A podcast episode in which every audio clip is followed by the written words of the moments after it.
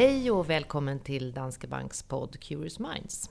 Ja, det är mycket som händer på den ekonomiska agendan idag. I morse kom ny statistik om prisutvecklingen på bostadsmarknaden som ser lite olika ut. Och Riksbanken kom med besked om att de lämnar styrräntan oförändrad. Eh, jag har med mig Danske Banks chefekonom Mikael Gran här i studion som ska dyka ner lite djupare i det här. Välkommen Mikael! Tack! Ja, vi börjar med Riksbankens besked. Kort, var det väntat? Eh, den här gången så var det en eh, väldigt speciell upplevelse för att de höll eh, på att snurra upp oss på läktaren när vi läste pressmeddelandet från början. Jag höll faktiskt på att tappa brallorna om jag ska vara helt ärlig. Därför det här såg lite konstigt ut.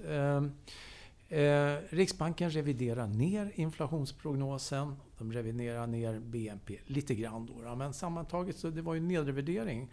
Och sen lämnade de reporäntebanan oförändrad. Och då blir ju tolkningen, vår första ryggmärgsreaktion av det här var att eh, Jaha, nu struntar de lite grann i, i, i inflationstakten och, det här är Hawkers, de tänker höja i alla fall. Mm. Eh, men eh, det visar sig när man har eh, grottat runt lite grann i, i rapporten att det var inte alls så som var fallet. Det här var en, en, en väldigt mjuk rapport får jag nog ändå säga. När vi har Vad innebär det? Mjuk? Jo, på så sätt att de introducera en slags nyhet som jag i alla fall inte kan påminna mig om att jag har sett förut. Ehm, eh, det är så att de gör en, en vad man, vi på marknaden här kallar för en soft guidance. De, de egentligen Eh, pratar en mjukare reporäntebana eh, rent verbalt. Eh, så att de säger då i, i pressmeddelandet, om man jämför det med förra pressmeddelandet, då sa man att Riksbanken räknar med en höjning från mitten av det här året. Nu säger de under senare delen av det här året. Så att det är en slags förskjutning ändå de gör trots att de håller den faktiska då prognosen för reporäntan mm. oförändrad. Eh, och går man in och läser lite grann eh, eh, till skälet och även det de sa på presskonferensen så förstår man ju att de är bekymrade över att löneinflationen är svag. Mm. Eller att lönetrycket är svagt. Då. Och det här ser de i att tjänstepriserna faktiskt har börjat dämpas ganska rejält. Så att det finns en bakomliggande oro här av att eh, inflationsutvecklingen faktiskt inte tar fart på det sättet de har, har, har räknat med. Mm. Och sen så pekar de också på att eh, eh bostadsbyggandet eh, eh, kommer att falla snabbare än vad de tidigare trodde med. Mm. Så det är också en, en, aspekt på det hela och då är vi inne på det där med bostadspriserna.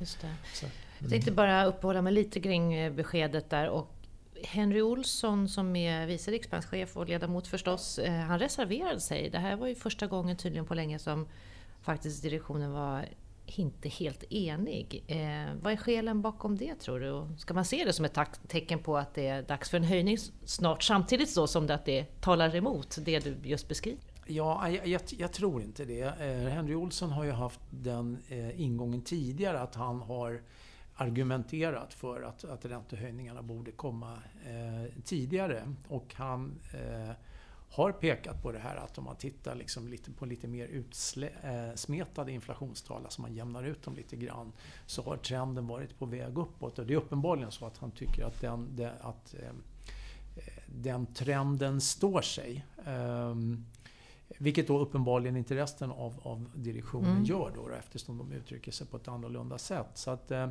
och jag måste säga att för, för egen del, eh, våran prognos ligger ju, våran inflationsprognos ligger ju ännu lägre än Riksbankens nya, då lite lägre prognoser. Så att, eh, och det gör definitivt också vår eh, BNP-prognos. Så att hela vår ekonomiska bild är mjukare än Riksbanken. Och mm. du kan ju gissa åt vilket håll det pekar ja. i så fall för, för, för eh, vår ränteprognos. Det innebär naturligtvis att vi, vi tror ju inte att det blir några repo, eh, reporäntehöjningar i år precis som, vi, som det är samma hållning som vi har haft tidigare.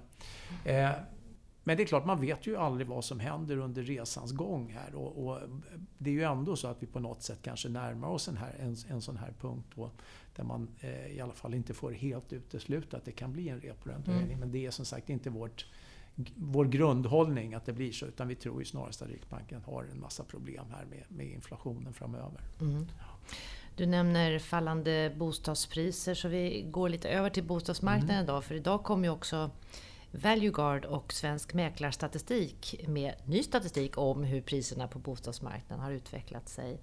Eh, där går det också lite isär. Svensk Mäklarstatistik ser en fortsatt nedgång i januari medan Valueguard ser en försiktig uppgång. Hur kommer det sig att uppgifterna skiljer sig så åt? Ja, det, alltså, eh, Valueguard de baserar ju sin mätning på mäklarstatistik. Mm.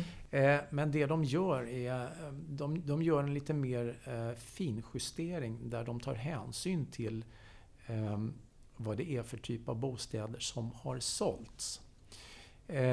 Och den bilden är antagligen mer rättvisande, den som Hox har, än den andra. För att ibland kan, det vara, ja, för ibland kan det vara så att om det säljs mer billiga bostäder, då kan man ju lätt få intrycket av att priserna är på väg ner.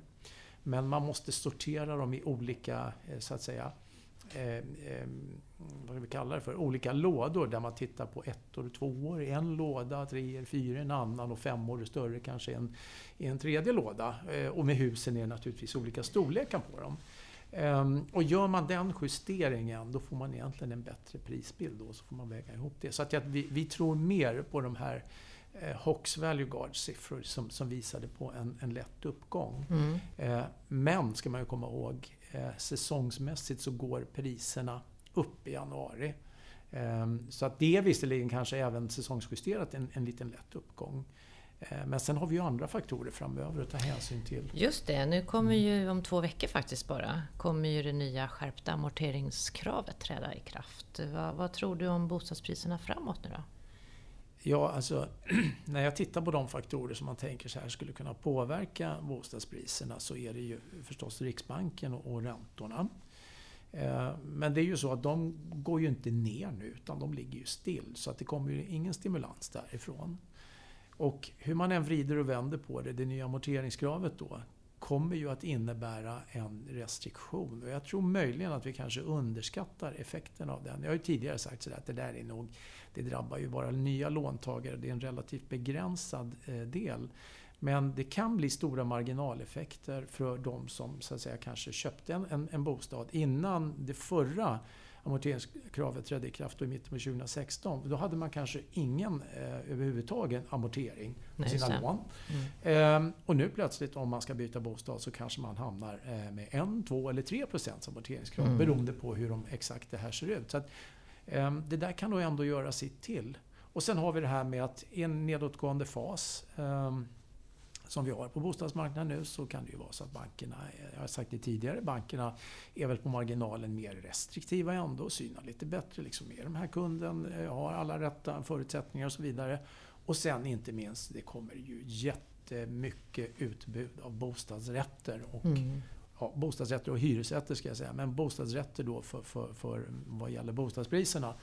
Eh, och det här kommer skölja över marknaden det här året. Och eh, samlar jag ihop intrycket av de här faktorerna så är det svårt att få att det, att, att det ska liksom vända upp här. Mm.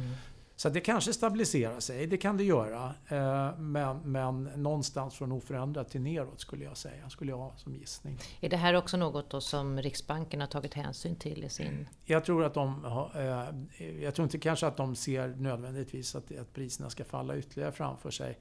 Eh, utan drar väl mer konsekvensen av att de kanske har varit lite för optimistiska ja. totalt sett och räknar med att det här ändå får någon slags negativ effekt på bostadsbyggande. Mm. Ja, som alltid så har vi örat mot rälsen och följer utvecklingen noga både när det gäller styrräntan och eh, prisutvecklingen på bostadsmarknaden. Tack för att du kom hit idag Mikael. Tack så ha.